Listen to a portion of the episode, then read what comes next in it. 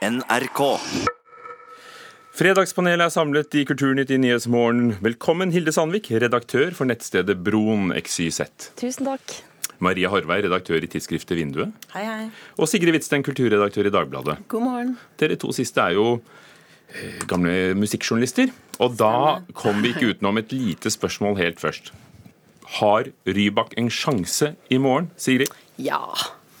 Fordi Nei, altså han, jeg, Nå syns ikke jeg han var den med mest sprut i går, kanskje. Men eh, han har en helt OK, solid, eh, fengende låt. Eh, og han er Alexander Rybak. Eh, med en enorm fanskare, fan, fa, fanskare over hele Europa. Eh, og et eh, litt sånn sjarmerende, artig vesen som jeg tror appellerer til folk. Maria Horvei. Altså, Bekka, jeg, jeg, greier ikke helt å se det før meg, jeg, at han skal vinne med, dette, med, med, med den låten. Eh, jeg er ikke, jeg er ikke en, et orakel på, på Melodi Grand Prix, men det ville overraske meg hvis han eh, går til topps i morgen. Jeg, jeg, må bare si at jeg har aldri gjettet riktig vinner i Melodi Grand Prix noensinne. Så det skal vi ikke høre på deg. Nei, helst ikke gjør det. Hilde Sandvik, dette er jo et enormt popkulturelt fenomen. Tror du Rybak har en sjanse til å toppe det hele? Det er jo det, men det sier jeg. Jeg har ikke hørt han ennå låten. Så det er litt fryktelig å sitte her og spå da, men altså denne her Når du begynte å snakke om Øst-Europa og fanskarer og sånne ting, så tenker jeg kanskje det. Kanskje han vinner. Det handler kanskje like mye om europeisk geopolitikk som om sang? Eh, ja, kanskje det. Dere, vi skal, eh, Nå fortsatte vi der vi slapp i sted, men nå skal vi plukke opp tråden fra forrige uke. Da satt vi og snakket om Nobels litteraturpris. Det var veldig spennende om det skulle bli eller ikke bli i år.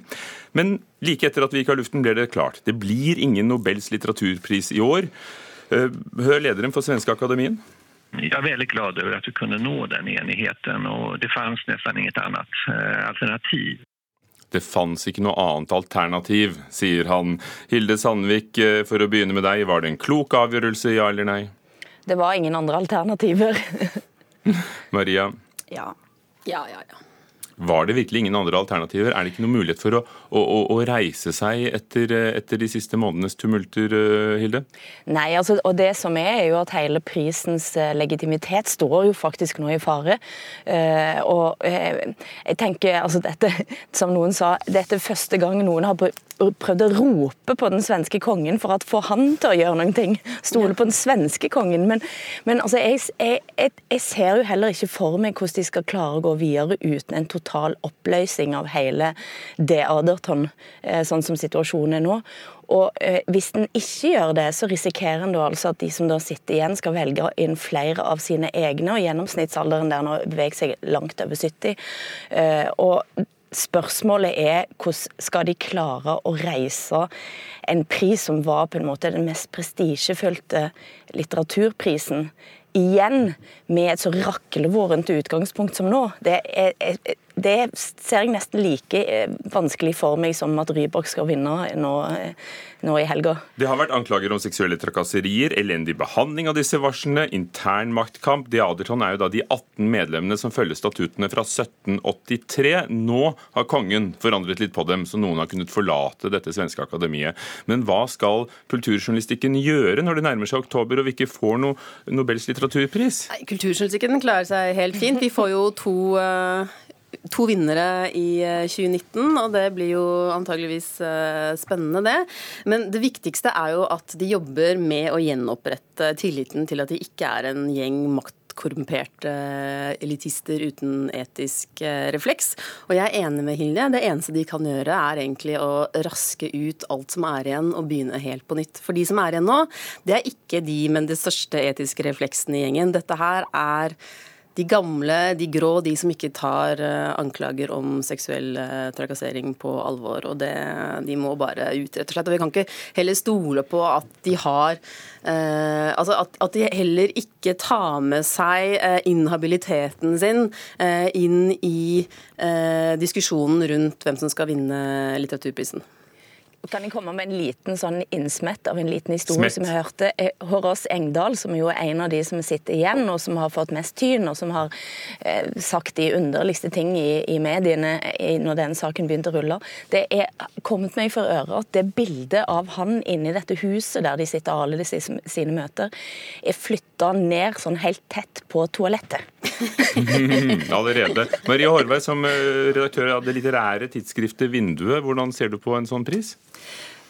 Altså, Litteraturprisen er jo, hvis du går tilbake og ser på tildelingslistene eh, fra da eh, fra, Altså prisens historie eh, den altså, Svensk økonomi gir jo mer enn å dele ut litteraturprisen, men det er jo da de er mest kjent for. Og de beslutningene de fatter, det er jo ikke på en måte ei rettesnor i den eh, vestlige kanon. De har jo gjort noen ganske underlige valg eh, opp gjennom årene, men det er klart at uh, de er veldig viktige for uh, litteraturfeltet. feltet. Da, og de har en samlende, samlende funksjon eh, som den mest prestisjetunge litteraturprisen i verden, tross alt. Og jeg, Det er jo helt riktig som Sikre sier, at, at paradokset i dette her er jo at de som nå sitter igjen og skal ordne opp i dette her, det er jo de som har absolutt uh, lågest tillit utad. For du mener det, de med mest tillit var de åpenbart, som forlot akademiet? Dette hele situasjonen er jo åpenbart at eh, akademimedlemmene har jo totalt feil De, de, de feilbregner jo folkeopinionen. Eh, da de stemte ut eh, Sara Danius og sant, dette flertallet som var imot eh, den, til, den stendige sekretæren Sara Danius. Eh, og de tenkte at det skulle gå så greit, og at de bare skulle få henne ut, og så skulle de fortsette som før. Men det gikk jo ikke. Eh, folket er imot dem. Den store opinionen er imot dem. Og nå skal disse da eh, gjenreise eh, prisen. Jeg må si en ting, det er åpenbart at de har satt sin egen posisjon og vennskapsbånd foran institusjonen. Og det går jo ikke. Eh, Kanskje sunt, eh, Hilde Sandvik, hadde fått litt innblikk i dette. Du som ser dette med et skandinavisk perspektiv fra, fra broen. Ja, dette er jo et sånn klassisk altså Det er et lite speilbilde av den svenske tilstanden på en ganske artig måte. fordi det er noe med det altså det, er, det en institusjon som ikke fins maken til, eh, heller i hele Europa. sant? Nå vet vi hva svenske er tilstander det- betyr. Og elitene er sterke i Sverige ennå, det kan vi bare slå fast. Apropos eliter. Nordiske mediedagers årlige medieundersøkelse viser at norske journalister, hvis det er noen elite, er venstrevridde. Og ikke nok med det, forteller medieforsker Erik Knutsen, som er ansvarlig for undersøkelsen. kulturjournalistene er de som driver denne venstrevridningen. De, de er klar, står klart mer til venstre enn de andre. Mens f.eks. økonomijournalistene, altså de som jobber med økonomi, eh, de eh, står mer til høyre. Fra P2-programmet Kurer er det et problem at kulturjournalistene er så venstrevridde. Vi har tre stykker av arten her. Sigrid Hvitsten. Ja, det syns jeg. Maria Harvey. Ja, jeg òg. Hilde Sandvik. Ja, altså det er jo det, men går det an å, å, å utdype det litt der? For én ting er venstrevridningen, hvis jeg fikk lov til å, å fortsette litt. Du har gjort det allerede. Ja. Ja. Eh, venstrevridningen er jo én ting, altså hva en stemmer, men det er et vel så stort problem at en er homogen i tenkning. Utover, altså en, hvor en putter stemmeseddelen sin. Eh, og det at en har en kulturjournalistikk som i overveiende grad er venstre og kan tenke liberale, bor i byer, eh, altså har deler de samme oppfatningene om hvordan verden ser ut, men ikke minst òg har veldig mye av det samme nettverket, det er et kjempeproblem. Jeg tenkte også på Det altså det som bekymrer meg når jeg ser denne eh, undersøkelsen, er, er jo eh, hvem er det som blir journalister, og hvorfor velger de denne jobben? Eh, hvis alle kommer fra sa samme sosioøkonomiske gruppe, så har vi et kjempeproblem. For da se, det er en gruppe vi andre grupper vi ikke ser, rett og slett, eller saker som ikke syns. Og det er veldig, veldig problematisk. Og spørsmål som aldri stilles. Maria Jeg, nei, altså, jeg, jeg slenger meg jo på, for det. jeg syns jo absolutt at, at journalistyrket er jo et, det har et formidlende eh, Journalistyrket har en formidlende eh, funksjon, og da er det viktig at det er et bredt lag av befolkningen som er representert i journalistyrket. Men det er jo denne her saken om, om, eh, om politisk standpunkt kommer, kommer jo hvert år, for det er jo ikke en ny tendens. Men jeg syns òg at det, blir snakket altfor lite om en enda bredere representasjon. Ikke sant? Det er eh, altfor få med en annen eh, etnisk bakgrunn eh, enn en norsk. Eh, det er veldig sjelden du ser funksjonshemma eh, journalister. Ikke sant? Hvis skal Eller snakke kristne, hvis en skal si det sånn. Ja. Ja, det er- Men men dere er jo tre redaktører her. Dere Ja. sitter jo i en posisjon til å gjøre noe med dette. Jo, men det er, det er helt klart et, et kjempestort ansvar å, å rekruttere bredt. Og da kan en ikke forvente at skjer eh, av seg sjøl. Da må du av og til legge inn en ekstra innsats. Og det er ganske enkelt. Men eh, samtidig, eh, på en liten nyansering her, så er jo ikke det viktigste er, er jo ikke det at altså, Det er jo ikke det hvilket partiprogram du tilfeldigvis stemmer på ved et valg. Det viktigste er jo at du som journalist er profesjonell og kritisk overfor maktstrukturer og maktpersoner.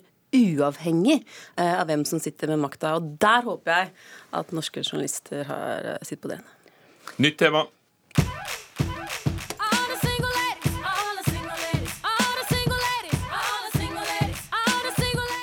Lyttertallene til artister som Kanye West og ikke minst Beyoncé, som vi hører her, på strømmetjenesten Tidal, er manipulert med flere hundre millioner falske avspillinger, ifølge Dagens Næringsliv. I dag skriver samme avis at Tono, som samler inn rettighetspenger, vil ha revisjon av selskapet, og andre organisasjoner reagerer også, for dette skal ha ført til at artisten har fått penger som burde gått til andre artister. Tror dere at Beyoncé kan ha jukset til seg millioner med, med vilje, Hilde Sandvik? Eh, Ja. Sigrid? Ja, ja, ja. Eller ikke Beyoncé, da. Men, Ma eh, Maria? Nei, akkurat at, at Beyoncé har, eh, har eh, måte, er hjernen eh, i, i denne intrigen, da har jeg eh, vanskelig for å se for meg. Jeg har heller absolutt ingen eh, eh, Det kan jeg ikke uttale meg om.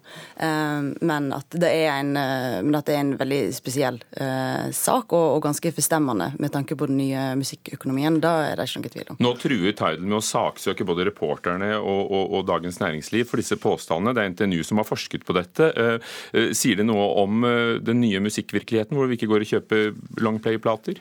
Ja, men det er klart, men altså, det, det, er jo, det, det var jo noe av dette Dette er jo DN som, som har rullet opp, og, og det er jo i seg sjøl Hvis du tenker at hvis dette hadde skjedd innenfor et norsk selskap, så kunne du på en måte du sett eh, konsekvensene av det eh, på en mye enklere måte enn du kan nå når dette er blitt et amerikansk selskap. Eh, Da de truer med rettsvesenet. Eh, det, er, ja, det, er blitt, det er blitt mer komplekst. Men eh, det viser jo at selv en aktør som da skulle visstnok eh, betale artistene på en riktig måte, Så jeg har lyst til å skryte litt av Dagens Næringsliv. For jeg syns at denne saken her er så god og har så store internasjonale implikasjoner at eh, jeg føler at de fortjener en skikkelig applaus. Eh, Dette er jo en ufattelig stor skandale. eh, I det internasjonale musikklivet. musikklivet. Eh, Men det, vi må, eh, det spørsmålet vi må stille oss, er jo egentlig hvorfor? Hilde Sandvik, du har evnen til å formulere deg kortfattet. Derfor får du sluttreplikken. Dette kommer til å se mye mer av etter hvert som alt havner både i sky og i data mulig. Og takk til Dagens Næringsliv. Men betyr det noe for andre enn artistene, som kanskje skulle hatt litt mer penger?